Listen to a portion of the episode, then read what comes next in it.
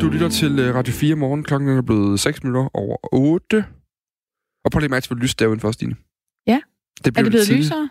Det er blevet tidligere lyst. Ja. Og det er dejligt. Det er dejligt, men solen skinner stadigvæk ikke. Uh, nej, men det er mere sådan en generel ting, dansk ting, jo? Jo. At det gør den. Nej. Det gør den bare ikke så meget. Det har jeg stadigvæk ikke helt vendt mig til. Men okay, det regner ikke, så man skal ikke være så kredsen. Nej, lige præcis. Ja. Øhm, ja, noget, jeg kommer, til, jeg kommer til at tænke over, vi taler meget om corona på øh, vores, øh, vores lille fine øh, morgenshow her i dag, øh, og det gør vi jo, fordi der jo sker rigtig mange ting løbende lige nu. I går så jeg, at øh, Udenrigsministeriet simpelthen øh, øh, nu, at det sted ude og anbefale, at hvis man nu var i Italien på nuværende tidspunkt som dansk, så skulle man skynde sig ud, så man kunne skynde sig hjem til Danmark, inden de lukkede helt af til Norditalien, øh, som de har gjort dernede. Vi har set øh, i Frankrig, har de lavet et forbud mod, at man øh, øh, samles mere end 1000 mennesker øh, Ja. i forsamlinger. Hvor man her i Danmark jo har lavet en anbefaling om, at det ikke er en god idé. Og det kan man jo så sige, altså, hvad betyder det, en anbefaling? Bør man i virkeligheden gå ud og sige, at vi bør have et forbud? Jamen, der er i hvert fald det, man ligger op til fortolkning. Øh, I Superligaen har man jo valgt i fodbold, i Superligaen i fodbold, og i første division, der hedder Nordic Bet Ligaen, har man simpelthen valgt at spille for tomme tribuner øh, indtil videre nu. Øh, men for eksempel det kongelige teater, de valgte bare at sige, "Jamen, nu skal der lige være, nu må folk kun sidde på hver andet side. Så og så har vi de her håndtryksceremonier, vi har talt om, ikke? hvor nogle Ja. borgmester er gået ud og sagt, øhm, vi giver hånd alligevel, for det er jo bare en anbefaling. Andre ja. har set det som, at vi talte med, med borgmesteren i Ringsted, som simpelthen har set det som, at det måtte man ikke, og han sagde, at han ville ønske, at hvis det bare var en anbefaling, så ville de have gået videre med det øh, alligevel. Ja. Og så var der jo øh, Syddansk Universitet, vi hørte også fra Rysensten Gymnasium i morges, de har øh, bedt eleverne om at blive hjemme, fordi der er to elever på gymnasiet, der er smittet med øh, corona. Syddansk Universitet i Odense har også øh, lukket ned for fællesarealerne nu på grund af det her. Men alle de her forskellige foranstaltninger, der træder i kraft nu, der, der sad jeg nok især og kiggede øh, fodboldvinklen på tingene, og sad og tænkte, Surprise. hvis man nu øh, ikke må samles mere end 1000 mennesker på et fodboldstadion, hvor, hvorfor er det så egentlig, vi ikke lukker ned for mange andre ting også? Altså, hvorfor, hvorfor må vi gerne øh, øh, øh, øh, hvorfor må vi gerne være i metroen? Hvorfor må vi gerne køre i busser, hvor Jeg vi var står på tæt øh, sammen? museum i går. Der var også rigtig mange mennesker, der står Ja. man også tæt sammen. Det samme kan man sige med de der, hvis vi lige går tilbage til håndtryksceremonierne igen. Mm. Hvorfor må man gerne ved dåb, for eksempel? Ja. Der virker det også som om, at man jo også giver hånd og er tæt sammen. Så altså, skal der til at være nogle mere øh, skrappe regler? Øh, og Skal vi lukke mere ned, håndfaste jeg regler? Skal der være decideret forbud? Det vil vi også gerne spørge jer om som lyttere. Hvad synes I? Øh, Frankrig er gået med et forbud. Skal, skal den danske regering også gøre, gøre det? Skriv ind til os på øh, 1424 og start din sms med, øh, med R4. Lige præcis. Der er en øh, af den, bare lige hurtigt, der skriver til os, fordi øh, der er mange spørgsmål i det her corona. Der er en, der skriver, er der egentlig corona i varme lande, for eksempel Thailand, Indonesien og Afrika? Øh, det er Lars, der spørger, om virusen kan overleve i varme. Det har der været debat om. Der har været den her med, at måske så vil virusen aftage, når vi får sommer.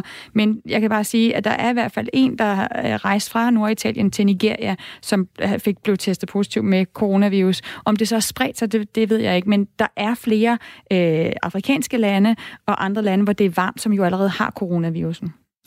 Så det er i hvert fald øh, svar dertil. Men skriv ind til os, vi vil gerne lige her den sidste time øh, debattere lidt mere, om man burde lukke mere ned egentlig. Altså om vi burde lukke ned for forsamlinger og, øh, og sørge for, at smitten slet ikke spreder sig. I Danmark 1424, start en sms med R4. Den øh, socialdemokratiske regering har øh, på kort tid strammet politikken på både øh, retspolitisk område og indvandrerområdet. Børn af fremmedkrigere kan nu ikke længere automatisk blive danske statsborgere. Overvågning skal øges markant, og regeringen vil trække i nødbremsen over for både børn og voksne. De radikale og enhedslisten, de råber op, og de tror regeringen med jævne mellemrum, men SF vil ikke tro med at vælte regeringen. Det taler vi øh, med dig om nu. Godmorgen, øh, Pia Olsen Dyr, Godmorgen. formand for, for SF. Øhm, I har lige haft landsmøde i weekenden, og i den forbindelse så sagde du, at SF hellere vil, og her citerer jeg, være stifinder end fejlfinder i samarbejdet med Socialdemokratiet. Hvorfor er det vigtigt for jer ikke at påpege fejl hos øh, Socialdemokratiet? Jamen, vi er fire forskellige partier, der står bag den her regering, og selvfølgelig vil der være forskel i vores politik. Det er jo ikke nogen overraskelse.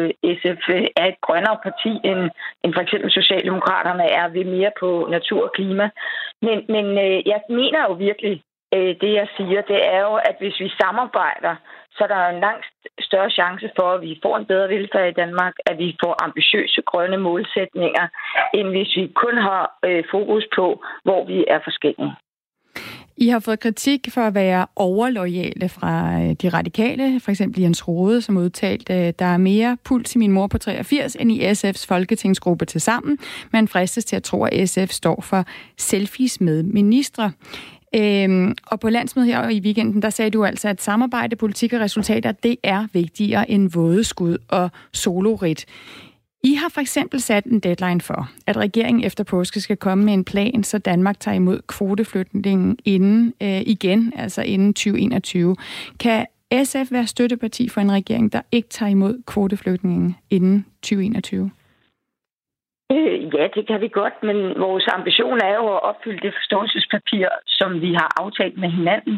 Og der er jo ting i det forståelsespapir, der er mere hjerteblod for SF end andet heriblandt, øh, at vi skal tage kvoteflygtninge i Danmark igen.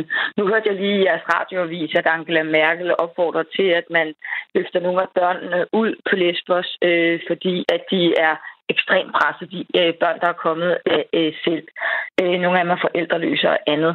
Øh, og det er jo noget af det, hvor man godt kunne sige, nu kunne vi ikke bruge nogle af vores øh, kvoteflygtninge på det, fordi at øh, vi har et internationalt forpligtelse til at løfte de fælles øh, flygtningeproblemer, der er.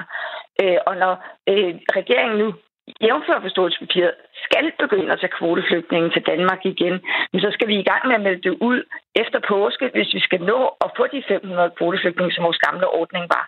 Øh, og, øh, og så synes jeg jo lige så godt, at, at Mathias Desvej kan komme i arbejdstøjet.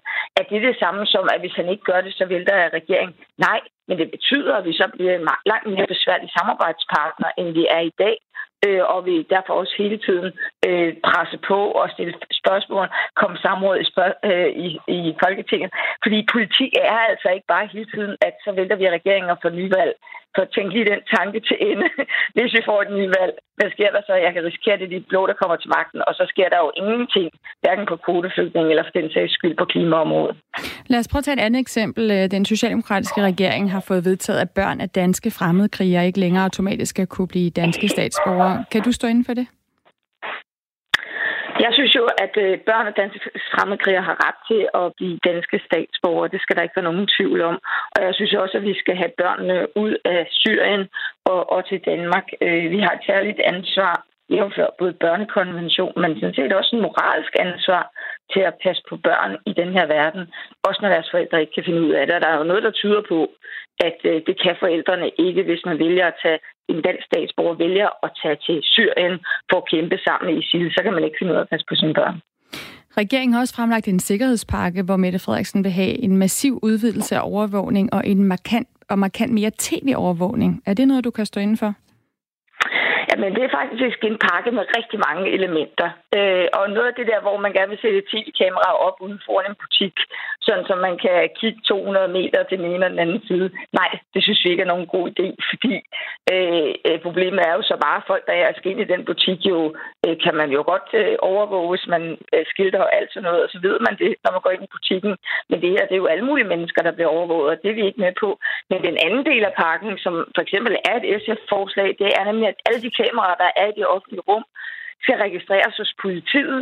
Og når det er registreret hos politiet, betyder det jo, at når vi står i en situation, som vi jo desværre gjorde med krudtønden, at man så kan få adgang til de kameraer og følge den øh, terrorist, der var tale om. Øh, og, og det kunne politiet ikke øh, der. Det tog noget tid at få adgang til kameraerne. Det tog tid til at vide, hvor de var. Og derfor tog det også tid, før man fik fat på ham, selvom politiet faktisk var handlet hurtigt. Så det handler jo om, hvad det er for en overvågning, og vi går ind i det med, vi vil gerne være med til, at vi bedre kan fange de kriminelle, øh, og det har vi en fælles interesse i. Men vi vil ikke bare være med til at tillade alt overvågning af danskerne. Vi har også behov for privatliv.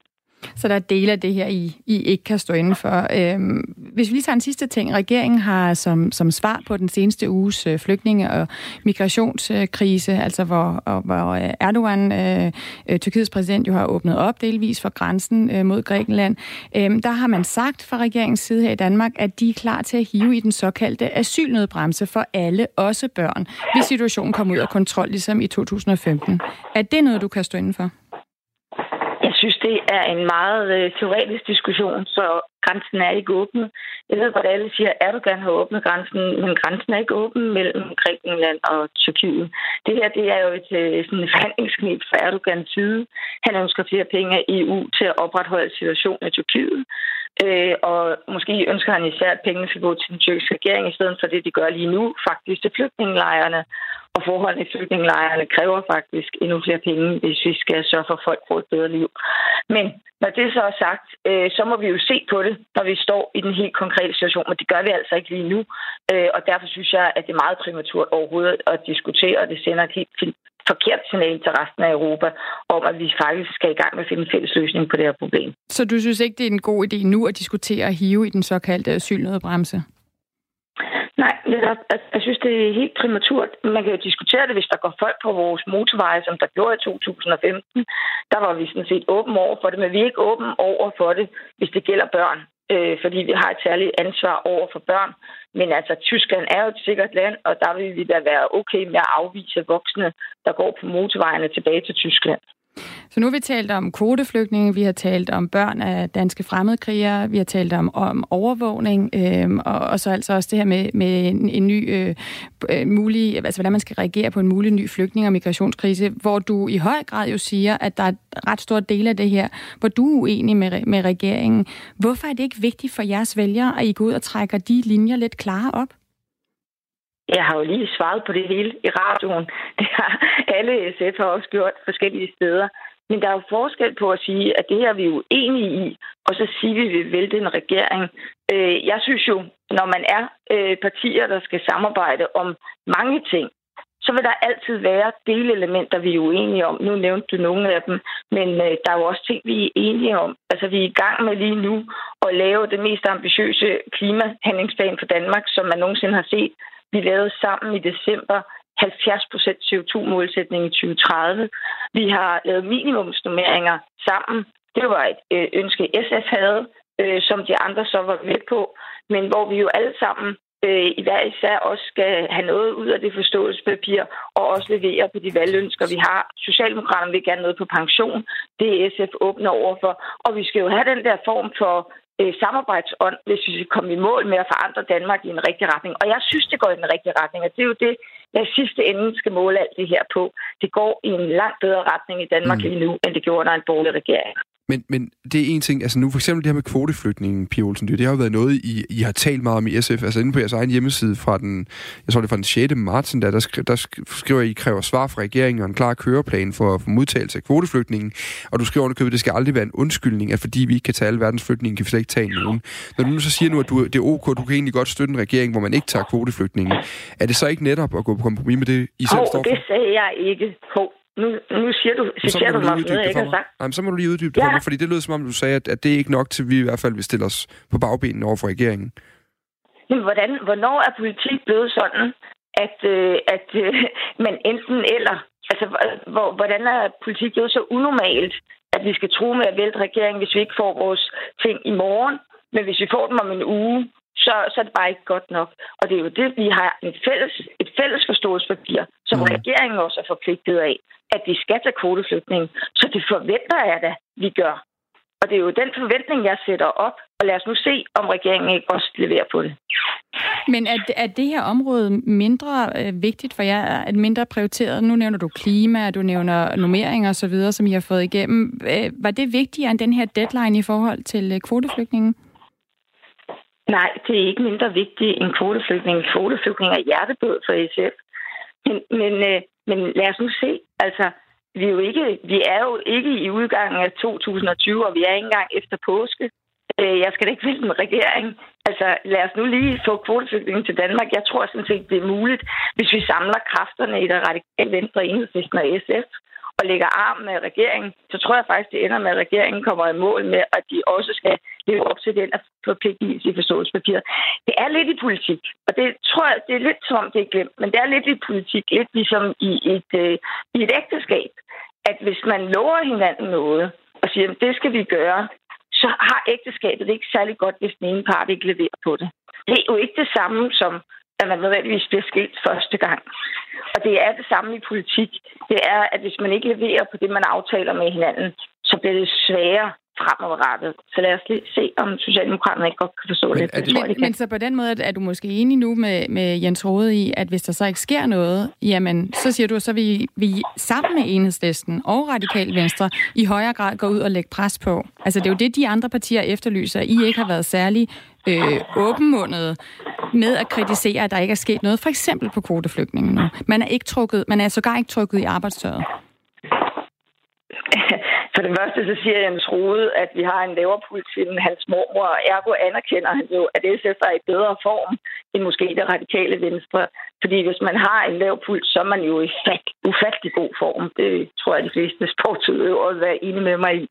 Men, øh, men derudover, altså, der er jo forskel på, om man får indflydelse ved at gå i pressen, fordi det er jo en måde at lave indflydelse på, eller i hvert fald tale meget højt og der er indflydelse, hvis man sidder ved forhandlingsbordet. Og SF har indflydelse ved forhandlingsbordet. Vi har været med til at sørge for, at børnene skal ud af sjælsmagten. Vi har sørget for, at der kommer minimumsnummeringer i Danmark. Vi har sørget for en milliard kroner til folkeskolen. Vi har sørget for, at der kommer penge ud til de ensomme ældre og et løft af psykiatrien.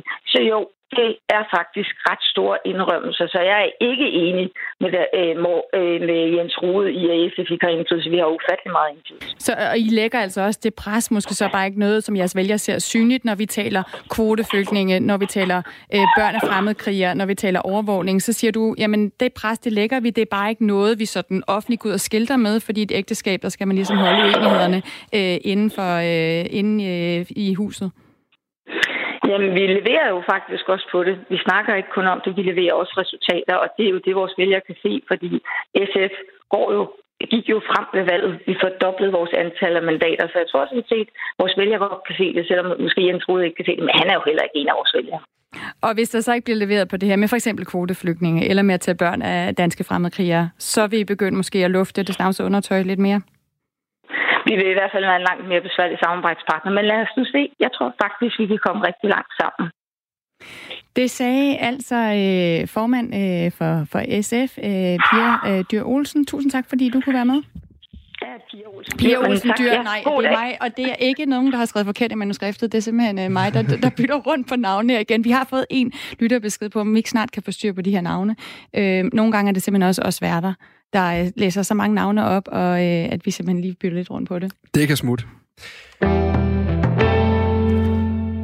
Vi skal øh, tilbage til gårdsdagens øh, begivenhed. I går der var det nemlig kvindernes kampdag. Øh, og så er det jo altid med sådan nogle øh, mærkedage der, at man skal øh, finde ud af, om man skal sige tillykke, eller hvad man egentlig sådan lige skal sige. Øh, dagen efter, der er det måske lidt for sent at sige tillykke, men det er jo ikke for sent at spørge, hvad der egentlig er øh, tilbage at kæmpe for på kvindernes nationale kampdag, internationale kampdag. Vores reporter var med på sidelinjen i går, da kvinder og mænd og andre gik på gaden i Aarhus nysgerrige efter at vide, hvad der egentlig kæmpes for her i 2020. Velkommen til Aarhus Equality March 2020. Øh, jeg skal ud og gå og øh, bakke op om alle kvinderne og ligestilling. Hvad, hvad er der at kæmpe for i dag? Øhm, lighed mellem kønnene og inden for kønnene, og, og måske også opmærksomhed på alle de køn, man kan være.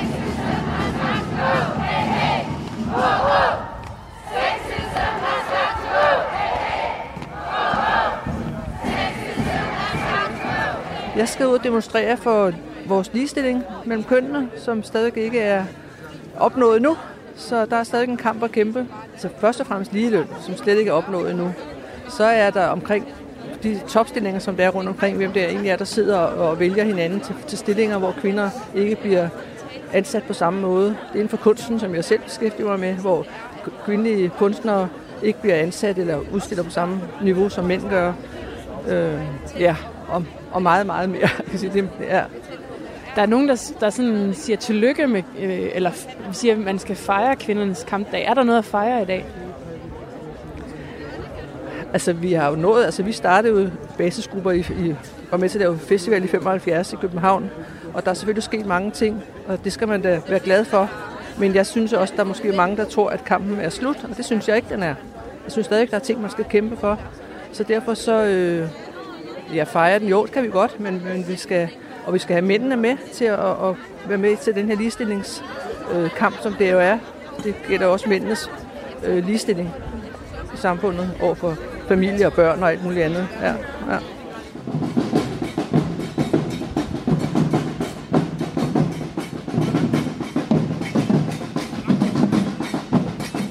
Hvad er der at kæmpe for?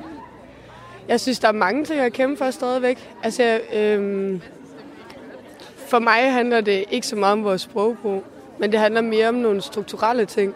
Øhm, når kvinder ikke er repræsenteret i forskellige øh, arbejdsstillinger eller erhverv, så gør det, at vi designer en verden til mænd. Øhm, jeg læste for eksempel det her med, at kvinder er mere udsat i trafikken, fordi at crash test dukker er bygget efter mandekroppen. Øh, og det, det er nogle af de problemer, jeg synes er de mest presserende. Men er der også noget at sige tillykke med? Jeg synes, der er mange ting at sige tillykke med, siger man med. Ja, eller sådan, der er jo nogen, der siger tillykke, det er kvindernes kampdag. Hvad, mm. hvad, kan, man så, hvad, kan, man så kende, hvad kan man så fejre?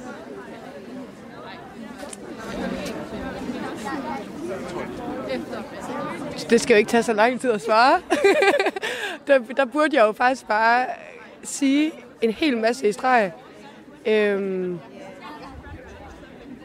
jeg synes, vi skal fejre øh, de ting, der er sket efter MeToo-bevægelsen.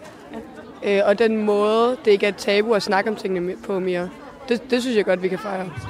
Glædelig kampdag, og husk at smadre patriarkatet, ikke planeten.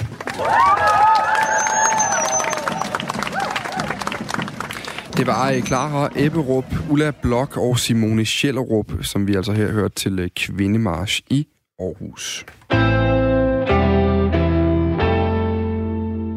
Hvis øh, regeringen skal lave en coronapakke, som giver kompensation til eksempelvis øh, koncertsteder, der må aflyse arrangementer med over 1000 gæster, så skal det også gælde for idrætsevents. Øh, det mener Morten Mølholm, der er generalsekretær i Danmarks Idrætsforbund. Prøv at høre her. Klubber og, og forbund har jo fuldt opfordring, og det betyder jo, at den her weekend, så ser vi jo også, at fodboldkampe spilles uden tilskuere, ishockeykampe spilles uden tilskuere, håndboldkampe spilles uden tilskuere.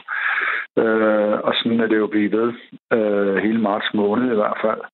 Og, og det, det efterlader, vil jeg vurdere, især en række klubber inden for ishockey og håndbold, og selvfølgelig også fodbold, men især ishockey og håndbold, men med meget store problemer, fordi de er meget afhængige af tilskuerindtægter. Fodboldklubberne er også afhængige af tilskuerindtægter og taber også millioner på det her, men de har også tv-rettighedspengene. Men, men ishockeyklubberne for eksempel, øh, som har pæne tilskuertal, de, øh, de er super afhængige af tilskuerindtægter.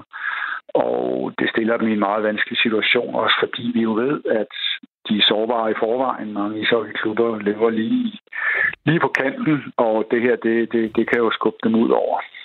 I aftes sad erhvervsminister Simon Kollerup til møde om netop tabt, tabt fortjeneste fra billetindtægter, og han tog opråbet fra Idrætsforbundet til sig. Og der kigger vi på, hvordan man kan nu lave en kompensationsordning, og den vil også række ind de steder, hvor det er relevant i, i sportens verden. Så, øh, så det er kun en, en uh, modtagelse fra min side positivt af, af den idé. Så i den sammenhæng, der er en ishockeyklub en, en, en, et stykke erhverv også, kan man sige, det er sidestillet? Ja, så det her det er, er jo egentlig for mig mere et spørgsmål om, øh, hvem der holder øh, de store arrangementer med, med mange tilskuere, som altså nu er blevet bedt om øh, fra myndighedernes side at, at, at stoppe dem, øh, sådan at vi kan passe på, at den der virus ikke spreder sig mere, end den gør i forvejen øh, og inddæmme den så godt vi overhovedet kan. Og, og der er aktørerne i sportens verden jo selvfølgelig også øh, aktører, som vi, øh, som vi skal skille øh, til og, og hjælpe med. Men jeg tror ikke, der er nogen, der kommer igennem det her i vores samfund, øh, virksomheder og organisationer og andre, uden at vi kan mærke, at den her virus den er Det, det er en ret ekstraordinær situation, og man vil nok også kunne mærke nogle tab. Men, men vi kan godt gå ind og lave noget kompensation i forhold til til de her tabte billetindtægter og andre ting. Det er det faktisk, vi her til aften sidder og kigger helt øh, specifikt på.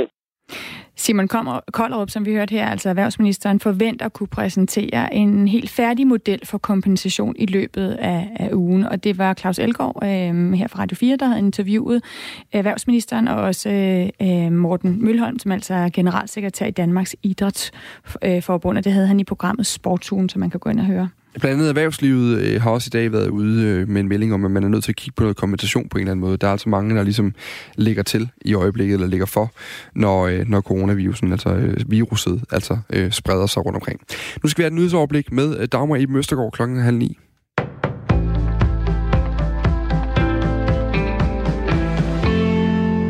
Flyselskaber og lufthavne med færre passagerer, hoteller med tomme værelser og arrangører af koncerter og sportsklubber, der må aflyse eller lukke færre publikummer ind. Coronaviruset kan mærkes i dansk erhvervsliv, og i dag der er emnet på dagsordenen i statsministeriet. Regeringen med statsminister Mette Frederiksen i spidsen har inviteret organisationer fra erhvervslivet og fagbevægelsen til møder. Her skal det blandt andet drøftes, hvordan man kan afbøde de økonomiske økonomiske konsekvenser af coronaviruset. Hos Dansk Erhverv ser administrerende direktør Brian Mikkelsen et behov for hjælpepakker. En del af erhvervslivet er blevet meget hårdt ramt allerede nu, og det udvikler sig dag til dag og nærmest time til time. Og de brancher, der er hårdest ramt, er jo turismeområdet, hotel, restaurationer, transport, fly, lufthavn, oplevelse, kultur, idrætsklubber. Dansk Erhverv vil blandt andet diskutere anbefalingen om, at arrangementer med over 1000 deltagere bør aflyses. Brian Mikkelsen han bakker op om tiltaget, men han siger samtidig, at det giver et stort problem for arrangører af koncerter, messer og sportsbegivenheder, at der ikke er tale om et påbud. Men det har bare den konsekvens øh, for virksomhederne og for klubberne, at når det er frivilligt, så kan man ikke gå bagefter til forsikringsselskabet og sige, at man ikke har et arrangement. Men det er klart, så godt som alle ansvarlige koncertarrangører klubber, stævnearrangører, messer osv. vil jo følge en anbefaling fra en regering. Men så må det være et påbud. Erhvervsminister Simon Koldrup sagde lørdag, at regeringen mandag er klar til at diskutere kompensation for de arrangører, der er ramt af anbefalingen. Et andet forslag det er at sikre, at virksomheder i de udfordrede brancher får mere luft i økonomien. Det er også et forslag, som Dansk Industri har med til bordet. En løsning den kunne være, at virksomheder de får skubbet fristen på deres betaling af moms og skat et par måneder frem i tiden. Det siger direktør i Dansk Industri, Kent Damsgaard det er ikke noget på lange bane koster øh, noget for, for staten, men man skal lige vente en måned eller to med at få pengene. Og det vil så gøre underværker ud ved de virksomheder i øjeblikket, der er hårdt ramt på, på likviditeten. Københavns Lufthavn har den seneste uge oplevet, at omkring hver tredje passager er forsvundet. Et så stort fald er ifølge direktøren Thomas Voldby ikke set siden 2. verdenskrig. Han ser også behov for politisk handling. Antallet af biler, motorcykler og andre køretøjer, der ikke har en lovpligtig ansvarsforsikring, er faldet markant siden et nyt daggebyr blev indført ved årsskiftet i 2019. Ved udgangen af 2018 var der knap 50.000 køretøjer uden en ansvarsforsikring, og det tal er per 1. marts 2020 reduceret til 13.000. Det viser tal fra Dansk Forening for International Motorkøretøjsforsikring, DFIM. Med den nye lov, der bliver alle brugere og ejere af et indregistreret køretøj afkrævet 250 kroner for hver dag, der ikke er tegnet en ansvarsforsikring. Selvom eleverne på Rysensten Gymnasium i København ikke skal møde i skole her til morgen, så slipper de altså ikke for undervisningen af den grund. Gymnasiet tager nemlig alternative undervisningsmetoder i brug, mens det er midlertidigt lukket på grund af coronaviruset. Det fortæller rektor på Rysensten Gymnasium, Gitte Transbøl. Der er den klare konsekvens, at vi skal prøve at blive rigtig øh, dygtige til virtuel undervisning i en RUF. Vi skal jo forsøge at holde vores øh, elever så vidt muligt i gang. Hun er ganske fortrøstningsfuld i forhold til missionen, på trods af, at virtuel undervisning er forholdsvis nyt for elever såvel som lærere. Gymnasiet er blevet midlertidigt lukket, efter der er konstateret coronavirus hos to elever uden forbindelse til hinanden. Lukningen den er sket efter dialog med Styrelsen for Patientsikkerhed og Gitte Transbøl ved ikke, hvor længe den midlertidige lukning gælder, eller hvad der skal til, før eleverne igen kan møde i skole. Gymnasiet agerer ud fra de meldinger, der altså får fra styrelsen, lyder det. Og så blev det tid til en vejrudsigt. Først mest skyde og perioder med regn eller byer ifølge DMI. Og i eftermiddag kun spredte byer og efterhånden perioder med lidt eller nogen sol. Først i den vestlige del af landet. Temperaturen i dag de lander mellem 5 og 10 graders varme. Og så bliver det tid til den sidste lille halve times tid af Radio 4 morgen, som i dag er i selskab med Stine Krohmann Dragsted og Dan Grønbæk.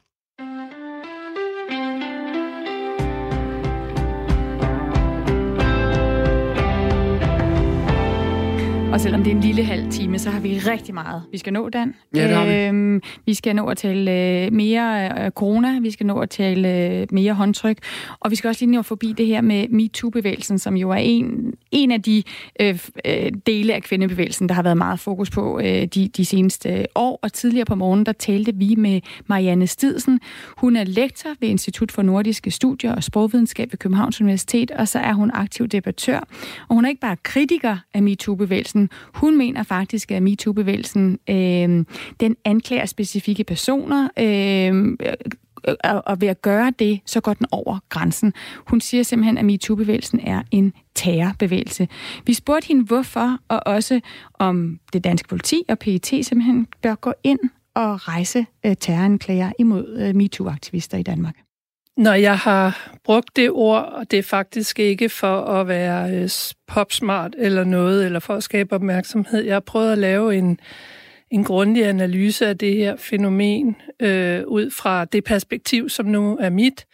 Øh, og, øh, og, og der kan jeg se, at MeToo er en del af en øh, radikal øh, strømning i tiden, som kommer fra Venstre. Vi er jo vant til, at der kommer radikale strømninger øh, fra øh, den yderste højrefløj og fra øh, islamismen, øh, som truer demokratiet øh, på dets grundprincipper. Men vi har været lidt blinde over for, at der også er en meget radikal bevægelse, der kommer fra Venstre. Øh, og MeToo hører, øh, sådan som jeg ser det, med øh, til denne her bevægelse.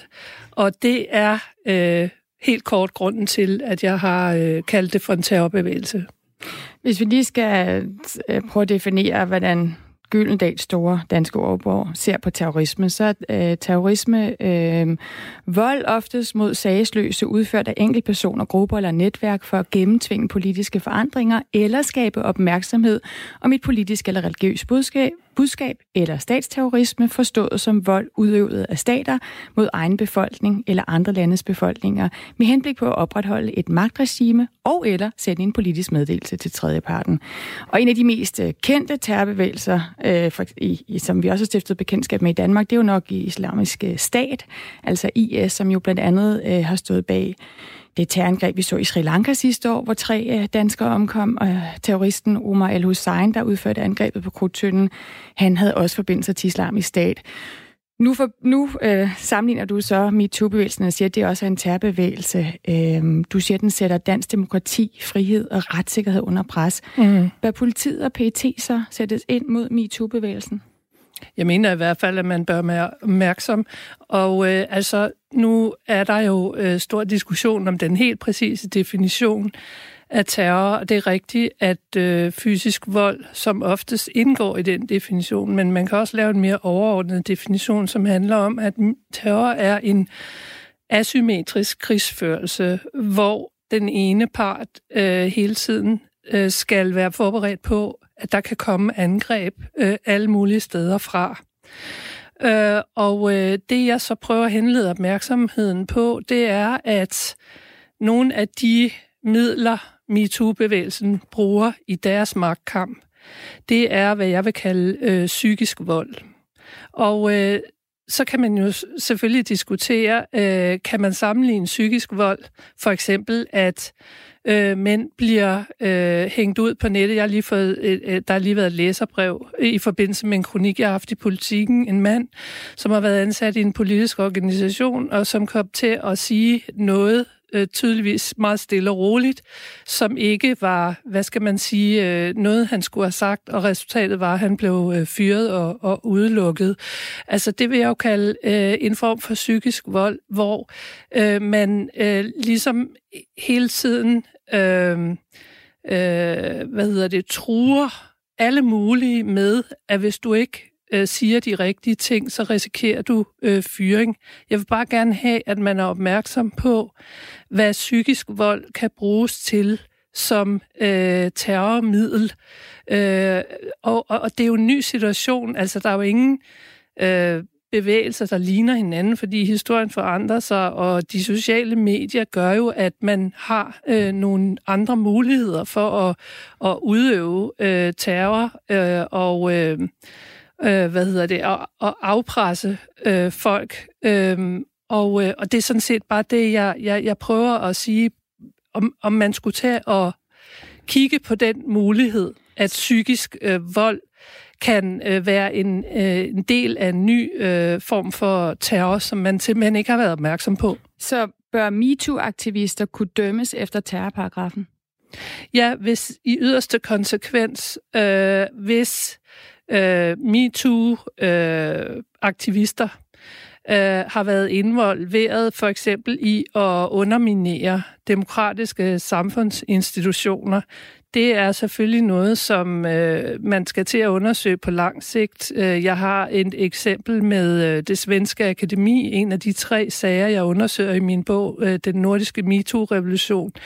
Og, øh, og, og hvis det viser sig, når denne her grundige undersøgelse går i gang, at det faktisk er et forsøg på systematisk at, øh, at underminere og ødelægge en, øh, en demokratisk samfundsinstitution, så mener jeg da i den grad, at det er en øh, opgave for, øh, for Sikkerhedspolitiet langt hen ad vejen, uh, Marianne Stidsen, altså øh, øh, lektor på Københavns Universitet, som vi taler med om, om, om det her med MeToo, om det, hvordan vi kan karakterisere det, om det, om det kan sammenlignes med en terrorbevægelse, så er terror noget øh, for mange af os, der også handler om, altså det handler om fysisk vold rigtig øh, tit, fordi det har alvorlige konsekvenser, det, der er ofte død selvfølgelig. Det her det er jo ofte nogle, debat, nogle debatter, der foregår på sociale medier. Hvis vi går så langt som at kalde, lige snart det handler om MeToo, så kalde det for terror, er der så ikke en stor del af den samtale, der foregår på sociale medier, som kan lægges ind i samme boks?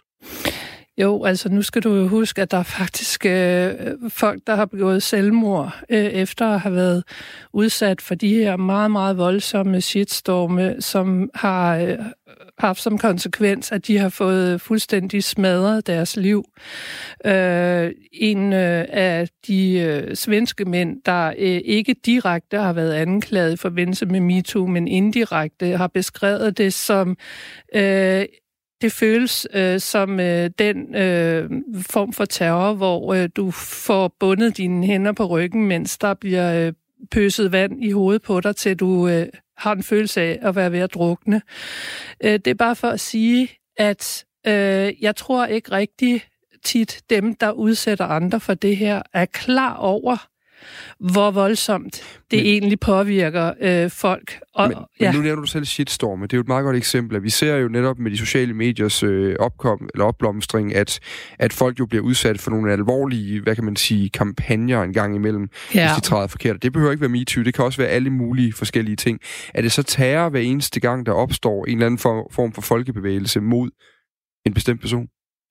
Øh, nej, altså ja, en anden ting, jeg synes, øh, man, øh, og det ved jeg også, der er forskere i øh, Sverige, som er i gang med at undersøge, hvor meget folkebevægelse er der egentlig over MeToo, når men, det kommer men, til stykket. Men, men lad os bare sige en ja. shitstorm, så når der opstår, ja. når der er sådan en shitstorm, der ligesom vivler sig op, og der er en, der står i midten af den og bliver ramt, er det så også en terroraktion? Ja, det synes jeg da, det er. Altså hvis... Øh, det er klart, at alt øh, skal jo undersøges, og man må have nogle klare definitioner, sådan så alle, øh, hvad skal man sige, øh, øh, grimme bemærkninger ikke straks bliver kategoriseret som, øh, som terror, men så man må selvfølgelig have nogle skarpere definitioner. Det er ikke mig, der skal levere antallet, dem. Men, men, ja. men det er alligevel en ret hård anklage, så er det så antallet af personer, der kommer med skarpe bemærkninger, eller er det hvilke ord, man bruger, eller hvornår går vi fra, øh, jamen vi kan kalde det mobning, eller dårlig sprogbrug, og så til terror? Altså man kan sige, at øh, øh, hvis det handler om enkeltpersoner, øh, så øh, kan den øh, kategoriseres øh, som det, man inden for retssystemet vil kalde en jord- eller grov bagvaskelse. Vi begynder at se flere sager, ikke mindst i Sverige, hvor øh, mænd, der har været udsat for det her, rejser sådan nogle sager. Hvis det handler om samfundsinstitutioner, det er der, jeg synes, at øh, terrorparagrafen burde være mulig at kigge på. Hvis det er sådan, at denne her bevægelse på en illegitim måde øh, erobrer øh, vores samfundsinstitutioner øh, ved at smadre dem, øh, så mener jeg da i høj grad, at det er noget, som øh, må kunne kategoriseres øh, som terror. Det siger altså Marianne øh, Stidsen, som er lektor ved Institut for Nordiske Studier og Sprogvidenskab øh, ved Københavns Universitet, og som vi altså talte med, fordi hun mener, at øh, MeToo-bevægelsen kan kaldes en øh, terrorbevægelse. Klokken er blevet kvart i ni. Og øh, det, vi har talt rigtig meget om den her morgen, det er, om øh, vi skal give håndtryk. Øh, altså på en eller anden måde have en eller anden form for fysisk hilsen, når vi siger hej til hinanden. Øh, rigtig mange danskere tænker nok over det lige nu, siden Sundhedsstyrelsen jo anbefaler, at vi holder os fra kys, kram og håndtryk i øjeblikket, og det er altså for at begrænse smitten med coronavirus. Men øh, for nogen, der afhænger øh, håndtrykket af, altså der, der afhænger det, om du får et dansk statsborgerskab, dansk pas, det afhænger altså af det her håndtryk.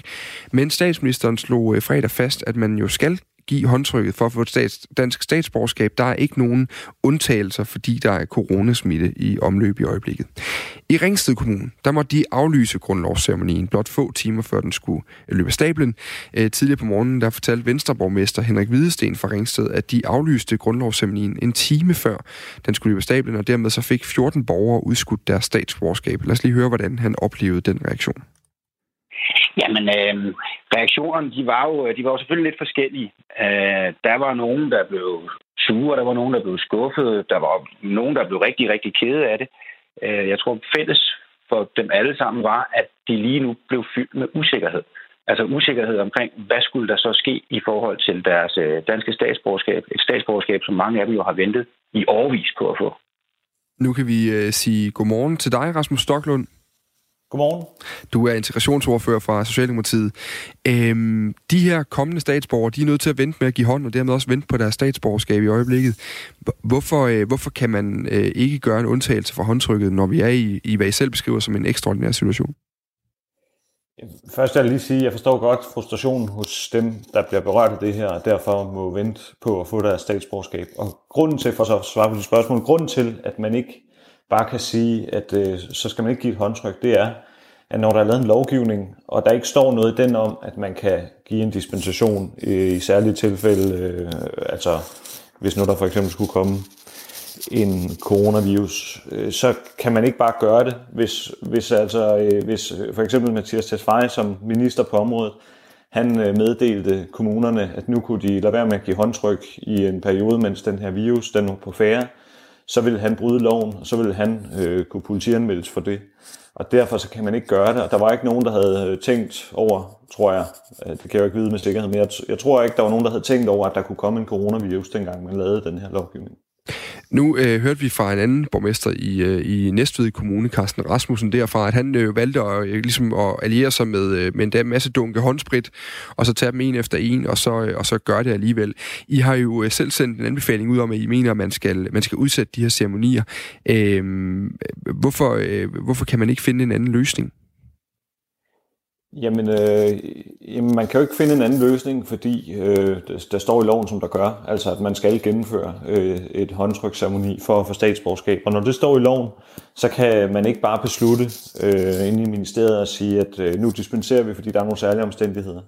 Og øh, derfor så er der altså ikke andet at gøre, end at udskyde det. Og øh, øh, man kan så sige, jeg har da en forventning om, at den her øh, anbefaling, den ikke kommer til at vare øh, til evig tid. Altså det kommer jo til igen at blive sådan, at øh, Sundhedsstyrelsen ikke siger, at vi ikke må give hinanden øh, hånden og så videre. Altså lige nu der drejer det sig om at forsinke smitten, øh, om man så må sige, altså forsinke den hastighed, hvormed smitten den rammer især øh, den, den øh, ældre og, øh, og den del af befolkningen, øh, som har dårligere helbred og er mere mm. udsat, hvis de skulle hen og blive smittet med coronavirus. Jeg skal bare lige forstå, Rasmus Stocklund, man kan simpelthen ikke lave nogen som helst form for politisk dispensation, selv hvis man gerne ville på det her.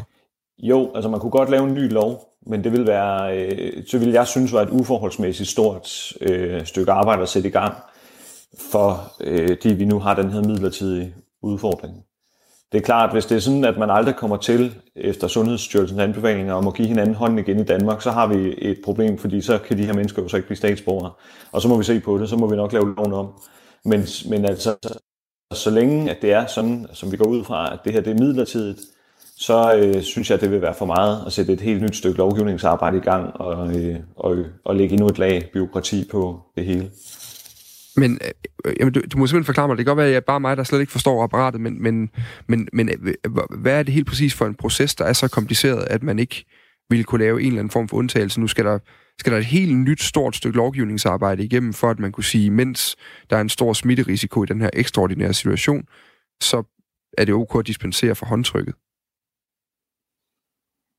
Jamen det er jo bare det, at, at når man skal lave en lovændring i Danmark, så, så kræver det jo en, en masse ting. Det kræver først og fremmest, at man bliver enige om at få afgrænset, hvad det drejer sig om. Det, øh, derefter så skal det behandles øh, tre gange i Folketinget, det skal sendes i høring.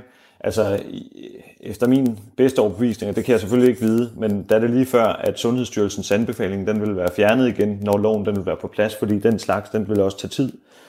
Øhm, og, og grund til, at man ikke bare kan gøre det, sådan som, og jeg kan sådan set godt forstå dit spørgsmål, fordi jeg kan jo godt øh, forstå, hvorfor der er mange, der tænker, kunne vi ikke bare lige finde en lidt pragmatisk løsning på det her nu, hvor der lige er en udfordring. Øhm, det er, men grund til, at man ikke bare kan gøre det, det er, at når der står i loven, som der gør, at man skal give det der håndtryk, så vil det være at bryde loven, hvis Mathias Tesfaye han udsendte en instruks om, at, øh, at nu kunne man bare afvige for det. Mm. Vi kan lige prøve at høre Ringsted... det står, ellers så skulle det have stået i loven, at ministeren kunne gøre det. Ja, okay. Jamen, øh, så langt øh, så klogere i hvert fald øh, for mit vedkommende. Ringsteds borgmester Henrik Hvidesten, han er fra Venstre, han, øh, han ønsker, at regeringen øh, tager mere ansvar i forhold til det her spørgsmål. Øh, prøv lige at høre, hvad han siger her, Rasmus Stocklund. Ja, helt generelt ser det ud som om, at regeringen faktisk ikke tør tage ansvar øh, på sig i forhold til rigtig mange øh, ting, der, der, hvor, hvor, hvor arrangørerne selv skal tage, tage stilling her. Nogle klare, øh, Øh, ikke bare øh, anbefalinger, men nogle klare øh, restriktioner på, hvad vi må og hvad vi ikke må. Det vil være rigtig godt, at, at ministerierne de, øh, og regeringen tog det på sig. Det handler altså om, at de har fået noget skriftligt ud fra regeringen, hvor de simpelthen mener, at, at det peger på, at man anbefaler ikke at gøre det, men man siger ikke, at man ikke må, og så kunne han faktisk godt have tænkt sig at kunne gennemføre de her grundlovsceremonier alligevel. Øh, hvorfor er det, der ikke er lavet regler, men i stedet for øh, anbefalinger, som borgmesteren mener her? Jamen fordi der er jo, øh, dels så skal der jo være hjemmel til ting. Det er jo ikke altid sådan, at man bare kan påbyde, påbyde øh, forskellige myndigheder at gøre forskellige ting. Og derudover så skal der jo også være en eller anden øh, proportionalitetsvurdering i det. Altså det kan være, der er en kommune, hvor, der er, hvor det er et enkelt eller to håndtryk, det drejer sig om, og, og så er der måske ikke nogen grund til at aflyse i den forbindelse, hvis folk de lige husker at være kender og sprit af, øh, så kan det sikkert godt gå. Øh, hvorimod så kan der være andre kommuner, hvor det er et, et stort antal mennesker, det drejer sig om, og, og så kan det blive mere udfordrende. Øhm, og altså, det er jo en usædvanlig situation, det her. Jeg synes øh, ikke overraskende, at øh, regeringen løser det her på en fin måde. Det er jo heller ikke så overraskende, at en venstremand ikke er tilfreds med den måde, regeringen løser tingene på. Men jeg vil bare sige, at i den her sammenhæng om, hvordan vi skal håndtere det øh, spørgsmål øh, om, at man ikke øh, kan dispensere for den her regel, der har ministeren jo orienteret de andre partier, som er med i den her aftale, og det er jo altså også de blå partier. Øh, og, øh, og de har bakket op om den måde at løse det på, at man øh, midlertidigt så må, øh, må udskyde. Øh, Rasmus Doltund, vi har også talt med Næstveds borgmester øh, Carsten Rasmussen, som jo så valgte at gennemføre grundlovsceremonierne i lørdags øh, med håndtryk, på trods af, at, at Sundhedsstyrelsen anbefaler, at man ikke giver, giver håndtryk. Prøv lige at høre ham øh, fortælle her. Og jeg synes jo ikke, at øh, jeg udsætter hverken mig selv eller de 14 personer for en øget risiko ved at lige nuagtigt at give dem håndtryk. Netop fordi jeg havde vasket hænder grundigt inden, for jeg havde for øvrigt haft fire brudepar om formiddagen. Dem har vi jo stadigvæk.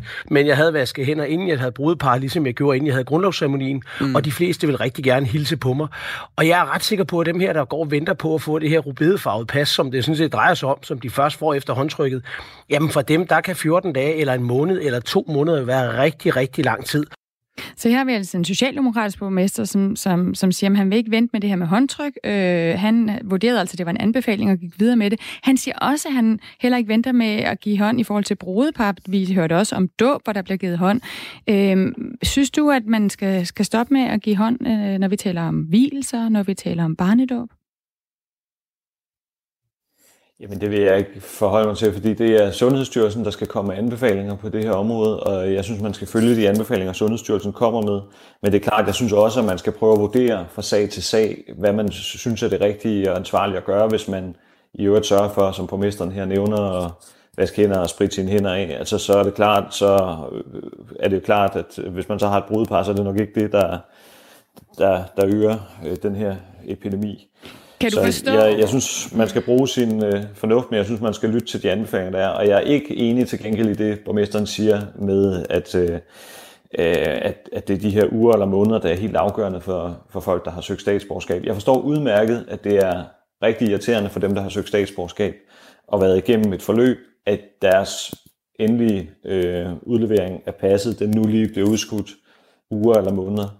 Men man skal bare huske, at det er nogen, som har været igennem et forløb, som i forvejen er meget langt. Dels med at leve op til alle de krav, der er for at blive statsborger, og derefter ansøgningsprocessen.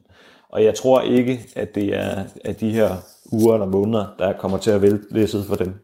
Kan du forstå, at det kan være forvirrende for landets borgmestre? Her har vi en borgmester, som mente, at han burde, at han altså skulle aflyse, fordi Sundhedsstyrelsen er gået og siger, at vi skal ikke lave håndtryk. En anden tolker det sådan, at det behøver han ikke at gøre, og man giver stadig hånd med brudepar og ved, ved barndåb. Kan du forstå, at det kan være rigtig forvirrende øh, for de her borgmestre, når du siger, at det må man ligesom selv afgøre?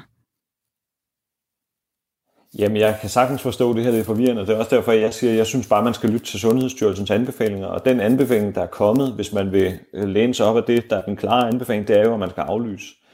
Jeg siger så bare, at jeg kan godt forstå, at hvis man har et brudpar, øh, eller en eller anden sammenhæng, hvor det er ganske få personer, der for eksempel skal have et håndtryk i forbindelse med statsborgerskab, at man så måske tænker, at man synes, det virker uproportionelt. Men der kan der være mange andre kommuner, hvor det er mange mennesker, der skal have et håndtryk, og så er det måske en anden situation. Og derfor så vil jeg bare sige som tommelfingerregel, og som øh, det generelle, der skal man selvfølgelig lytte til Sundhedsstyrelsens anbefaling. Det er dem, der har de gode forudsætninger for at vurdere, mm. hvordan det her, øh, den her virus, den ikke spreder sig mere end allerhøjst nødvendigt. Tak for det, Rasmus Stocklund. Integrationsordfører for øh, Socialdemokratiet, øh, og så blev klokken på den måde øh, tre minutter i ni på morgenen, hvor meget altså har stået i den her coronasmittes tegn, Stine. Og der sidder jo nogle danskere derude lige nu. Altså, der er 35, der er smittet, men der vil så sidde endnu flere, som sidder i karantæne lige nu jo. Og hvis du nu sidder derude, og du keder dig lidt i øh, den her øh, karantænesituation, så er det vigtigt, at du lige spidser ører nu de sidste par minutter, inden der er nyheder med øh, Dagmar Iben Østergaard. Fordi Mia Wagner og Anne Stampe Olsen, som lige nu sidder i karantæne i et sommerhus ved Limfjorden, de har nemlig oprettet Facebook-gruppen Karantæne Ramte Danskere 2020. Og lige om fem minutter, der starter den daglige morgengymnastik for alle gruppens medlemmer. Godmorgen, Mia Wagner og Anne Stampe Olsen. Godmorgen. I kom i karantæne i lørdags, og i dag er så øh, første morgen med gymnastik. Hvor mange øh, er med på, øh, på holdet, var jeg ved at sige? Jamen indtil videre, der er vi sådan lige omkring 28 medlemmer af gruppen, men vi håber på, at vi kan få mange flere med. Og hvordan foregår det? Kan I lige sætte på ord på det? Jamen, det kan vi sagtens. Det foregår på den måde, at jeg kommer til at sende live. Jeg bliver simpelthen en kameramand, der sender live, mens Anne hun øh, herude på øh, vores terrasse, fordi vi må godt lige præcis være på, på matrixen jo. Så går hun i gang med at lave nogle øvelser, og så er det bare om at følge med og få det bedste ud af det. Hvorfor er det nødvendigt med gymnastik, når man sidder i karantæne? Ja, men det er jo det her med, at vi prøver at tænke lidt langsigtet. Øh, lige nu, der har man måske godt med mod og energi, og det gælder jo bare om at holde fast i det. Og en del af det, det er jo også at få bevæget sig og brugt sin krop, ellers så bliver det nok lidt trist hen på femte dagen eller syvende dagen. Det er i hvert fald vores mening. Så det, det gælder om, det er også, at vi mærker, at vi er flere om det, og vi hjælper hinanden med at holde, holde modet op, mens vi er i karantæne. Og så bare lige til allersidst, øh, hvor kedeligt er det sådan på en skala fra, lad os bare sige, 1 til 80 at sidde i karantæne? Hvor, hvor, hvor øh, hvad 80 det bedste, eller det ja, værste? Os sige, 80, det, 80 det er sådan øh, at se maling tørre, nærmest. Jamen, sådan har vi det slet ikke. Vi er jo heldigvis to i karantæne, og når ender jeg sammen, så sker der altid et eller andet sjovt. Nå, så øh, indtil videre, så øh, nu har vi jo forløbig lavet en gruppe, og vi har også øh, gået i gang med en podcast, og, øh, og så har vi også et arbejde sammen. Så indtil videre, så keder vi os faktisk ikke. Udmærket. Jamen, øh, man kan følge med øh, i gruppen, øh, altså Karantæneramte Danskere 2020, øh, på Facebook fra om øh, 45 sekunder. Jeg vil lade jer smutte nu, så I kan sætte kameraet op. Mm, det er godt. Ha' en god dag. Lige måde. Og så kan vi jo lige runde af, Stine, med, øh, jeg synes lige, vi har fået rigtig mange gode sms'er. Det kan vi lige kan nå en enkelt, inden vi, vi er færdige. en debat om, skal vi gøre noget mere? Altså, skal der flere i karantæne? Skal der flere forbud? Mm. Øh, der er en, der skriver ind, at øh, man burde man diskutere, om det er mere rationelt at, at sætte risikogrupperne i karantæne. Så kan vi bruge ressourcerne målrettet på de svageste, og måske endda lære noget om vores ældrepleje. Altså alle de ældre i karantæne, det ved jeg ikke helt. Jo, men det, det er jo øh, på en eller anden måde en ræson i at sætte dem i karantæne, der kan være øh, øh, farligt for det her. Lige til skal vi også sige, der er en, der skriver her, jeg har en kone i kraftbehandling med kemo og nu øh, stråler. Øh, og øh, hvor nervøs tror I så, man er i en situation med, en stærk, med stærkt nedsat immunforsvar? Man bliver så gal, når man hører dem, der ikke selv er i, i farzonen. Og det er jo det her med, det er virkelig seriøst for nogen, det er seriøst for de ældre, det er mm. øh, seriøst for dem med nedsat øh, immunforsvar, når vi taler corona. Og selvom vi også taler håndtryk, økonomi og alt muligt andet rundt om det. Lige nu der er der nyheder til dig. Vi er tilbage i morgen tidlig kl. 5 over 6. Dagmar Iben Østergaard klokken er blevet 9.